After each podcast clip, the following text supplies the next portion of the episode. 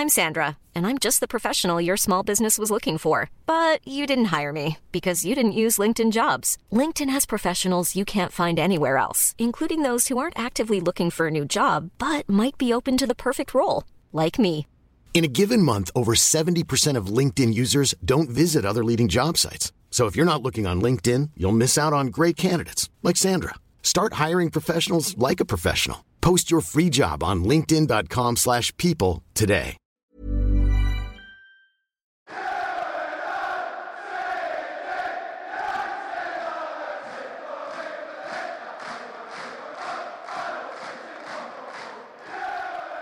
Halo pendengar GGMU balik lagi di episode special edition. Uh, di mana pada sesi kali ini kita akan membahas satu topik yang sebenarnya masih berkaitan dengan episode sebelumnya ya terkait dengan bursa transfer. Karena balik lagi sekarang masih Euro dan pemain pemain kita pun juga masih bertanding di laga internasional. Jadi kita mau bahas satu buah topik yang pada saat awal tuh sebenarnya kita sempat bahas satu posisi satu departemen. Tapi karena tingkat urgensinya itu tidak uh, setinggi uh, CB, DM dan juga RW makanya kita agak put aside sebentar gitu kan. Nah baru-baru ini gitu uh, ada sebuah rumor dan rumornya cukup kencang berhembus di Twitter, uh, utamanya Twitter ya, karena banyak orang kemudian membuat obrolan di Twitter terkait dengan rumor-rumor transfer gitu, yang menyebutkan bahwasanya MU ini sedang mengconsider pembelian uh, back kanan baru gitu kan. Apakah itu akan jadi pelapis, apakah itu akan jadi first uh, option choice uh, selain Wan Bisaka, itu nanti kita akan obrolin juga. Dan teman-teman mungkin tahu siapa orang yang kita bahas. Diogo uh, Dalo. Oh. kembali si anak hilang ya. Betul. Iya iya, tapi tapi salah. Tebakannya bukan dia Godalo kali ini gitu kan. Yang mana ini balik lagi kepada gue ngerasa kalau misalnya pemain ini jadi ke jadi ke MU nih lama-lama squad MU fullnya hampir 5 per 6 squadnya pemain Inggris semua cuy. Hmm. Kan Brexit FC bro. Oh iya bener ya. It's coming home semua. Yo, itu lama-lama apa GGMU diganti It's coming home kayaknya. eh pelatihnya bisa ganti Southgate mampus. Aduh. Aduh, nanti Wan Bisaka, Wan Bisaka tuh jadi back kiri, lihat aja. Wah, sulah Wan Bisaka jadi back kiri dia kalau ini ya kalau kalau sempat ini bro, kalau menyerang ini tuh Rukik juga. Gimana gimana? Enggak sempat lihat ada satu kayak Twitter MU gitu yang uh, apa formasinya Trippier di bek kanan, terus Wan Bisaka tuh di, di CP kanan sih. Hmm. Iya, iya. Hmm, iya iya iya iya iya iya iya. Berarti pakai tiga empat tiga berarti ya? Enggak, empat empat empat tiga eh empat dua tiga satu. Cuman partnershipnya tuh Maguire sama Wan Bisaka. Oh, anjir. karena karena tacklingnya kan jago banget kan gitu loh. Iya, cepet iya, iya, gitu. Iya. Oh, oh, sih lah. Hmm, hmm. Oke oke oke. Nah tadi karena Saung juga udah bahas ya nama orangnya jadi nggak nggak misterius lagi dan gue udah yakin lah kalian tahu kita mau bahas Kylian Trippier gitu kan. Yang mungkin kalau buat orang yang masih bingung, uh, Trippier karena main di Atletico Madrid, uh, umur 30 tahun, uh, bek kanan tulen meskipun kemarin di pertandingan Inggris lawan uh, Kroasia pernah jadi taruh jadi LB ya. Meskipun gue ngerasa Betul. itu uh, cukup apa ya, cukup anti klimaks sih buat penampilan Trippier yang sebenarnya menurut gue lebih cocok di RB gitu kan karena dia spesialis kaki kanan gitu.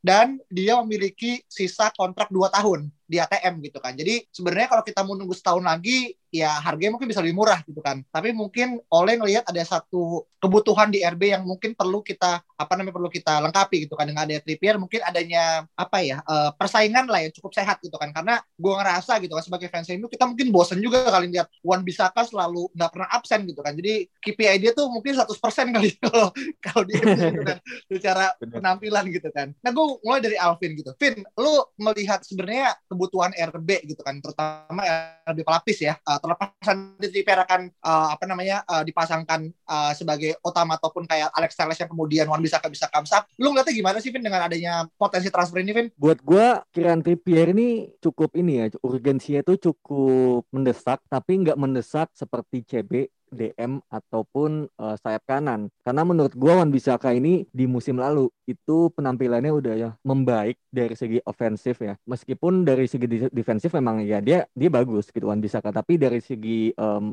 penyerangan itu bisa dilihat dari jumlah assist dan mungkin kontribusi crossing dan juga apa ya um, keterlibatan dia dalam membangun serangan dari kanan. Itu gue yakin semua fans MU pun mengakui bahwa dia sudah improve. Cuman memang ketika dia dribble aja masih agak mengkhawatirkan sih. Jadi masih kadang-kadang agak clumsy atau ketika mau passing juga kurang lah gitu. Maksudnya bukan tipe pemain yang nyaman memegang bola. Sedangkan kalau kita tahu Kieran Trippier ini adalah tipe pemain yang sangat nyaman pegang bola dan juga crossingnya itu yahut banget. Dan juga seperti yang kita lihat di Piala Dunia 2018, salah satu golnya di satu-satunya gol dia adalah gol free kick yang mana dia itu spesialis bola mati ya kan. Berarti untuk free kick, untuk corner kick dari sebelah kanan itu juga mungkin bakal meringankan meringankan beban dari Bruno Fernandes. Jadi buat gue sih um, sayang ya untuk dilewatkan seorang Kieran Trippier ini apalagi tadi kita juga tahu bahwa di Inggris dia sering kali dipakai di seba uh, sebagai back kiri. Berarti versatility dia juga cukup tinggi. Bayangkan nanti kalau misalnya kita main,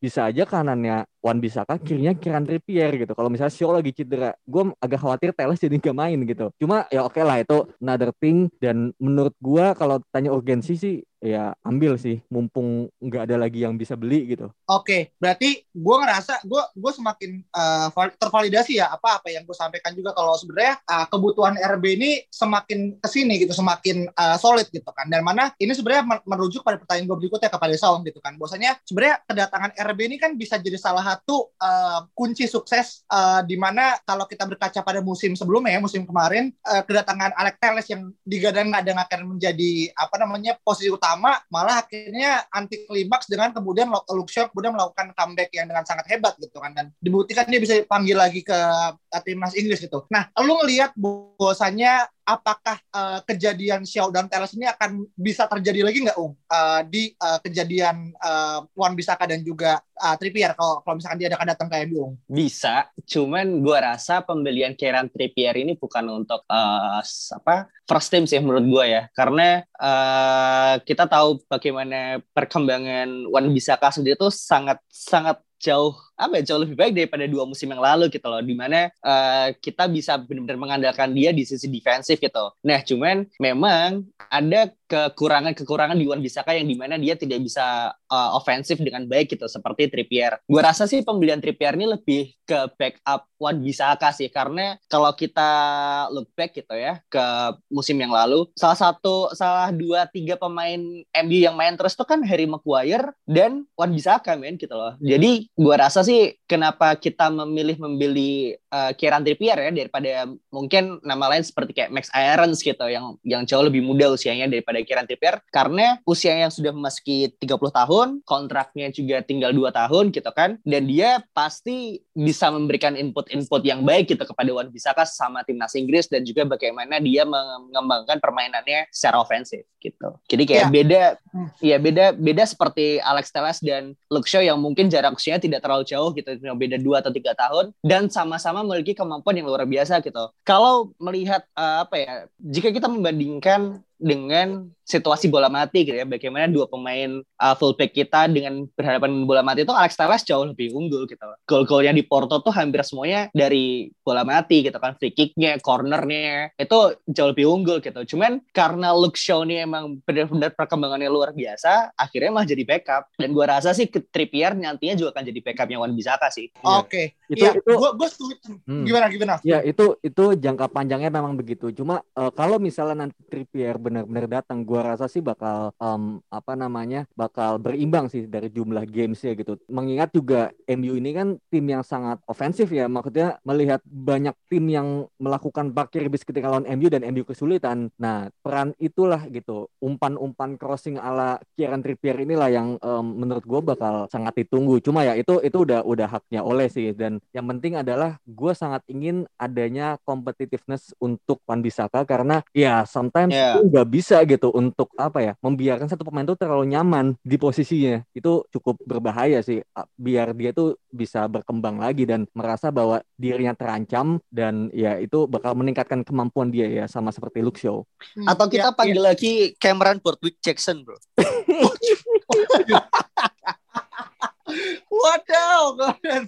Jackson. Eh, itu waktu zaman Van Hal luar biasa loh. Iya sih. Iya, Bukti, tapi dia. LB kan sebenarnya kan.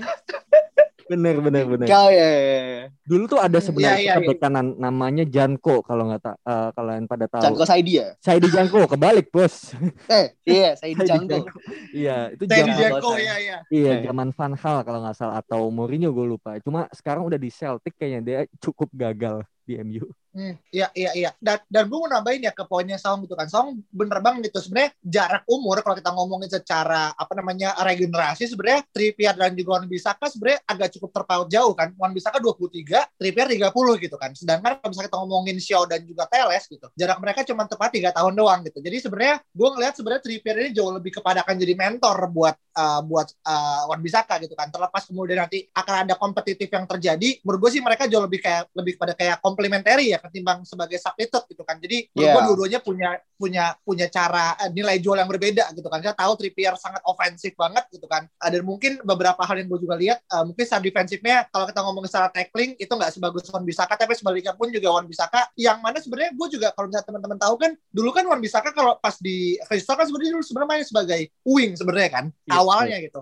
Sebelum kemudian Hmm. dia turun sebagai eh, apa RB gitu kan. Jadi sebenarnya menurut gua dia tuh punya DNA untuk kemudian masuk apa masuk menusuk dalam. Cuman mungkin karena udah terbiasa main di RB dan jauh lebih apa namanya eh, fokus pada tackling dia sebagai salah satu yang paling ini. Menurut gua masih bus- bisa masih bu- masih bisa waktu lah untuk kemudian eh, si siapa Wan Bisaka untuk bisa berkembang gitu. Dan gua rasa dia punya potensi untuk bisa eh, masuk ke sana gitu. Nah Iya ini benar. masuk ke pertanyaan gua berikut. Kenapa? Kenapa Vin? Iya em, dan juga kayak gue merasa bahwa kenapa kenapa menurut gue tuh Trippier ini butuh nggak butuh ya maksudnya di musim ini butuh nggak butuh. Kenapa nggak butuh? Karena sebenarnya gue menginginkan pos lain dulu yang diisi. Tapi kenapa menjadi butuh? Karena gue juga khawatir dengan em, kompetitor yang ada. Yaitu satu-satunya adalah Diogo Dalo dan juga eh, Williams. Yang kita tahu sendiri Dalo ini sepertinya tidak dipercaya ya sama Ole gitu. Dan gua harap gua harap ya gitu. Kalaupun dijual kalaupun dilepas ya itu harus dijual gitu dengan harga yang mungkin di atas 10 atau 15 dan uangnya bisa untuk membeli Kieran Trippier kayak gitu. Dan juga kalau Williams gue sebenarnya prospeknya adalah dia dipinjemin sih tapi ke klub IPL seperti Southampton atau juga Brighton yang secara taktikal bagus gitu jadi Hmm. em,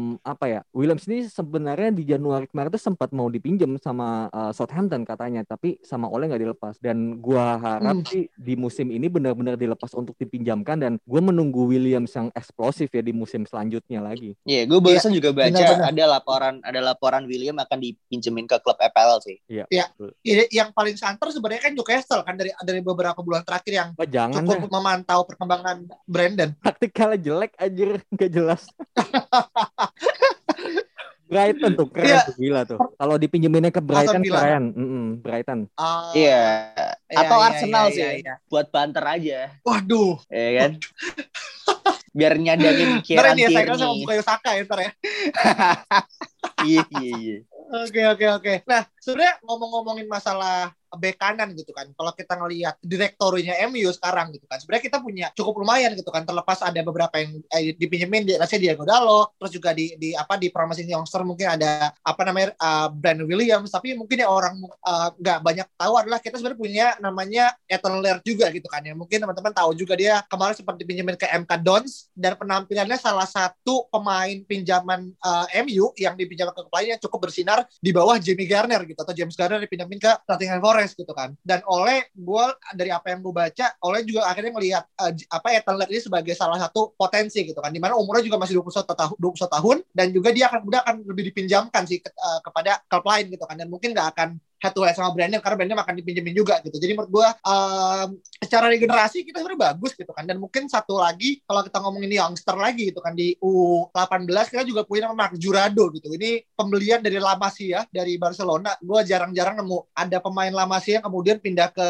apa uh, Carrington gitu kan. Dan uh, Jurado adalah satu pemain yang kemudian menurut gue cukup potensi tapi umurnya masih 16 tahun. So we'll see develop dia akan seperti apa gitu. Tapi most likely apa uh, yang sering ini mungkin bisa kemudian membuat apa namanya potensi dengan cari pinjaman ke lain sih kayak gitu. Oke. Nah, Hmm. uh, oke gimana gimana Vin? Gak apa-apa, gue mau ini aja eh, mengasih tahu bahwa price tag-nya ini sebenarnya eh, bikin gue agak mikir gitu. Jadi kemarin tuh Atletico minta 40, sedangkan MU cuma berapa kemarin gue 20 apa 15 gitu. Ah. 14, 14. 10 sih harusnya.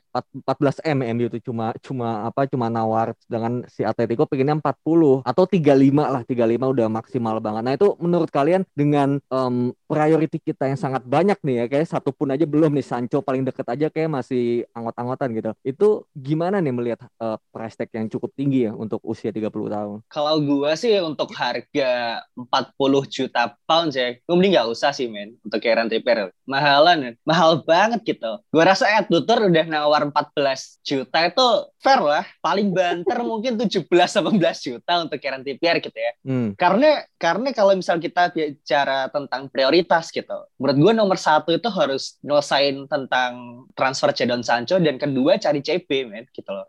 Karena kalau kita nggak punya CP yang cepat gitu ya, yang eh, apa secara secara permainan bisa menjaga high line dengan baik gitu. Beli Kieran Trippier kalau nggak ada CP yang cepat juga sama aja bohong gitu menurut gue gitu loh. Karena kalau misalnya kita lagi fast lane, lagi lagi fast break lah semuanya langsung maju gitu. Kalau nggak ada yang track back ketika kita kena counter ya sama aja gitu loh. Lindelof pasti nggak akan bisa ngejar juga. Jadi priority gue harusnya ya CB dulu gitu setelah setelah RM ya, baru nanti kita ke RP. Jadi kalau misalnya kita haggling over 40 million pounds gitu, mending sih nggak usah men. Iya iya, gue pun gue pun punya pendapat yang Hmm. sama. Sayangnya ya, Iya. sayangnya pendapat kita pada akhirnya jadi sama ya di episode kali ini. Eh kayak buat gue MU harus beli gitu loh, harus beli eh, Trippier dengan harga 35 ya maksimal kalau memang MU bisa menjual Diego Dalot dan juga mungkin beberapa pemain lainnya seperti eh, mungkin Jesse Lingard atau Andreas Pereira yang harganya juga nggak jauh lah gitu. Eh, apa Trippier sendiri sebenarnya market eh, market price-nya itu cuma 20 gitu. Cuma kan ya tahu sendiri kalau MU nawar tiba-tiba harganya dua kali lipat gitu. Hmm. Dan juga mungkin ini Vin, um, menurut gua efek dari title winningnya Atletico juga kali ya, yang ngebuat daya daya daya uh, daya jualnya dari Trippier kemudian mungkin melompat dibandingkan harga yang kemudian pasar kemudian uh, apa state gitu di di clear market gitu kan. Jadi menurut gue emang kadang gue pun sendiri melihat dan sayang lagi ya, maksudnya balik lagi sayangnya di sini kita harus setuju semua gitu kan. Karena apa ya karena kita paham gitu kita berpikir rasional gitu. Bahwasanya RB memang menjadi salah satu pos yang bisa kita uh, apa lihat sebagai salah satu bentuk uh, cara kita untuk kemudian uh, mendalami sebuah squad depth. Tapi balik lagi kita perlu tahu kalau kita tuh bukan Chelsea kita bukan City gitu kan. Yang mungkin di beberapa posisi udah sangat-sangat settle tapi kita masih struggling bahkan nggak cuma satu tapi tiga gitu kan. Posisi yang sifatnya sampai sekarang pun belum ada kejelasan gitu kan. Terlepas mungkin orang bilang bid ongoing talks imminent apa apa Sancho apa namanya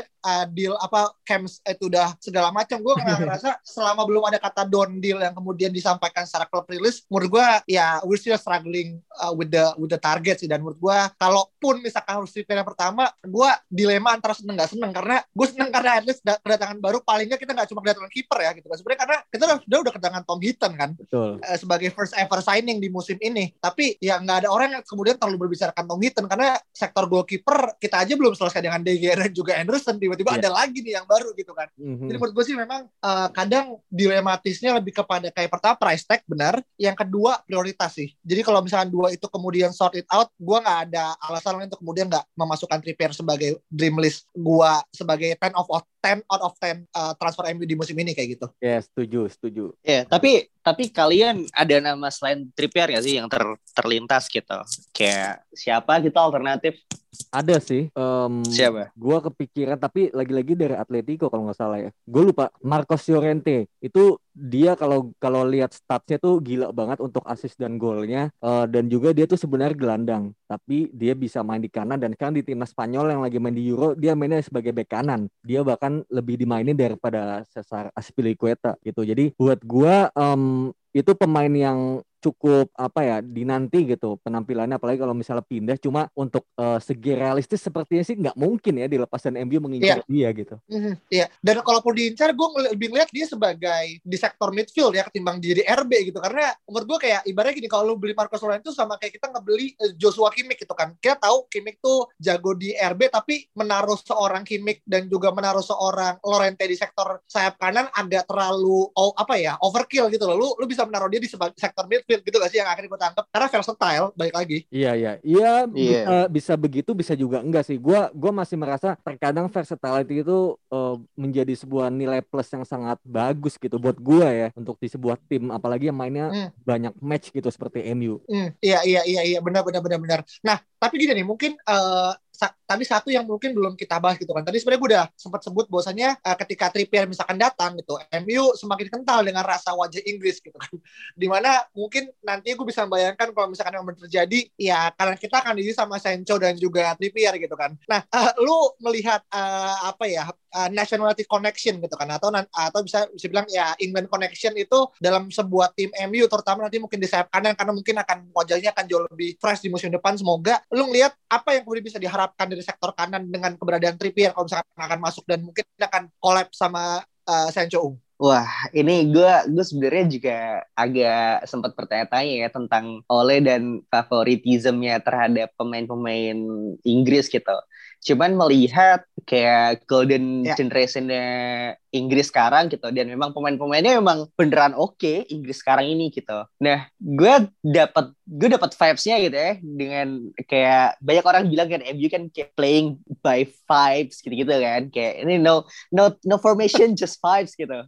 Nah, gue kayak gue gue, gue, gue kayak merasa Ole ini ingin ingin ingin nge-recreate si class of 92-nya Sir Alex Ferguson man dengan banyak pemain-pemain British gitu. Gue sih gue sih melihatnya seperti itu ya. Dan ditambah dengan pemain-pemain senior dari liga-liga luar gitu. Menurut gue sih seperti itu. Kalau menurut kalian gimana nih? Uh, gue cukup setuju ya. Maksudnya gue sebenarnya tidak ingin tidak ingin seperti itu sebenarnya. Gue membayangkan kayak gue gue ingin yeah. itu menjadi sebuah MU yang baru gitu. Nggak mau kayak karena yang bisa menciptakan itu cuma Fergie buat gue ya. Jadi um, sekeras apa pun oleh ingin menciptakan atau recreate gitu. Um, class of 92 gitu kan kayaknya nggak akan sebagus itu apalagi dengan tekanan yang ada gitu. Cuma oke okay lah gitu kalau misalnya ternyata memang ide oleh seperti itu gitu. Dan buat gue ya mungkin untuk at least mengembalikan MU dulu ya marwah MU ke jalur yang benar it's okay gitu kan. Gue mengaminkan itu at uh, selama pemain yang dibeli juga tidak overpriced tidak ya yang overhype juga gitu kan. Dan bisa bisa sesuai dengan kapasitasnya gitu dengan kemampuan dia segitu gitu. Dan yang gue mungkin tidak tidak gue inginkan ada ya Jack Grealish gitu. Bukannya dia tidak jelek gitu tapi dia overpriced buat gue sih. Jadi itu ada overhype sih menurut gue iya overhype juga. Jadi itu pemain yang gue tidak harapkan datang gitu. Iya iya. Betul betul betul betul. Oke okay, I see. Kecuali Harry Kane sih. Harry Kane nomor satu. Iya iya iya. Iya kalau itu tidak. Itu sesuai Ronaldo deh Ronaldo. Oke oke oke. Nah, nah maksudnya uh, mungkin kalau ya, sorry uh, sorry. Kalau ya. kalau tadi Alvin bilang dia tidak setuju oleh mencoba merecreate zaman Fergie, uh, kayak lo harus optimis, men. Gue ngelihat Ole ini ada ada tangan-tangannya besi Fergie, men, gitu loh. Oleh Jadi juju, oleh juju. oleh juju. Oleh tuh man manajemennya gokil loh. Dia bisa bisa apa di tengah-tengah badai Pogba yang belok sana ke sini dia bisa meluruskan kapalnya gitu kan. Jadi kayak mungkin kita harus harus memberikan kesempatan untuk Ole mencoba apa ya? Biarkan dia membangun timnya tuh seperti apa gitu loh. Kayak kita lihat uh, summer transfer dan winter transfer di musim ini gitu ya. Gue sih pengen pribadi pengen lihat dia tuh pengennya bermain seperti apa gitu loh. Karena uh, transfer window sebelumnya kan kayak dia tidak tidak difulfill oleh klubnya dengan baik gitu, tidak tidak disupport dengan baik gitu. Nah dengan adanya demand dari fans dan dengan adanya Joel Glazer yang bilang akan nge-backup oleh gitu kan, mungkin kita bisa melihat title winning team lagi, ya kan? Who hmm. knows, man? Iya, iya. Ya kita Ber berarti gini, berarti gitu. berarti yang bilang kalau Ole itu is just another Norwegian Southgate lu nggak lu nggak setuju berarti? Ole is just Norwegian soldier. Southgate, Southgate. Gua ini kalau bro, ini kalau Inggris gak lolos, sumpah Southgate di penjara sih harusnya. dosa besar bro. Sumpah. Sumpah. Sumpah kan? Asli. Oke oke. Oke oke oke oke. lo, bay lo Iya, iya, bayangin aja lo bayangin aja kayak Rashford, Sancho, Grealish gitu kan. Dominic Calvert-Lewin kemarin defense semua nggak dapat main cuy. Hmm, Iya kan? Hmm. kayak ini kalau Ole udah pasti main dari menit awal bro Iya kan makanya kita kita mencoba lihat United. United versi Inggrisnya tuh seperti apa gitu loh.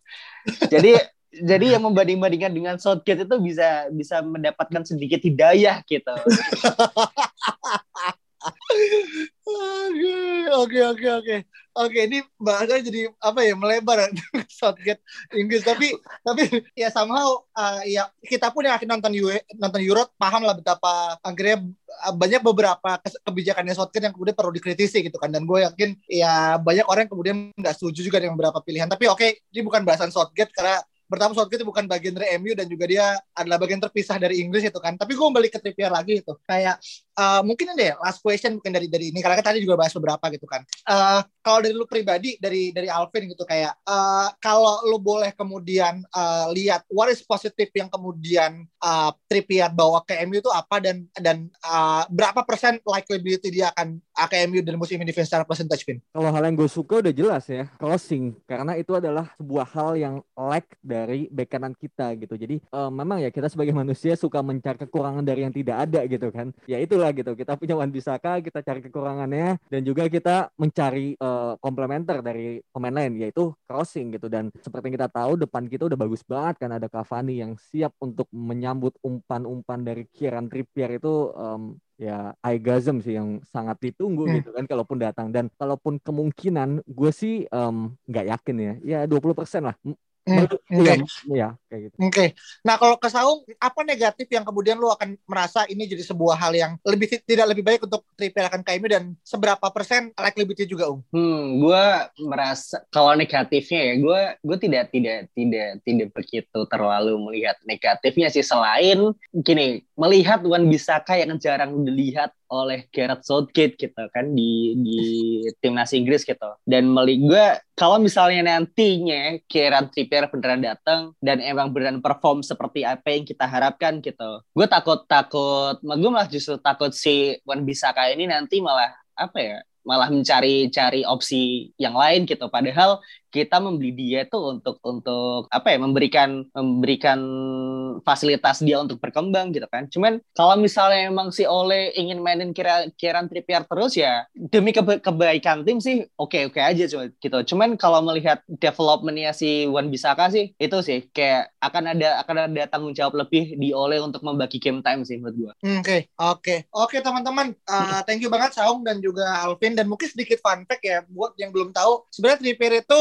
uh, pertama kali dia join ke football club itu sebenarnya masuk ke Academy City gitu kan. Tapi kemudian terbuang hingga kemudian ends up di Tottenham. Tapi menurut gue kedatangan uh, Trippier bisa jadi sebuah pertanda baik dalam artian uh, penambah apa namanya jam ah, sorry penambah daya kompetitif di sektor kanan tapi negatifnya mungkin ya tadi gitu kan bagaimana Ole pun harus uh, adil gitu kan dalam uh, membagi uh, game time apalagi berkaca pada pengalaman sebelumnya di mana Luxio dan juga Teles terlihat gitu kan terlepas mungkin Telesnya kemudian tidak menampilkan performa terbaik tapi favoritismnya Ole kan lebih kepada uh, Luxio gitu kan dan menurut gue semoga ini tidak kemudian terjadi semoga uh, pun kalau jadi Trippier bisa dap, uh, apa ya bisa mengemban uh, amanat berat juga sebagai uh, background di MU. Nah mungkin itu aja teman-teman dari bahasan kita. Uh, kalau misalkan ada komen dan teman-teman kemudian ada ngeras topik yang ingin teman-teman sampaikan, uh, feel free dan sampai jumpa di pertemuan berikutnya. Dadah.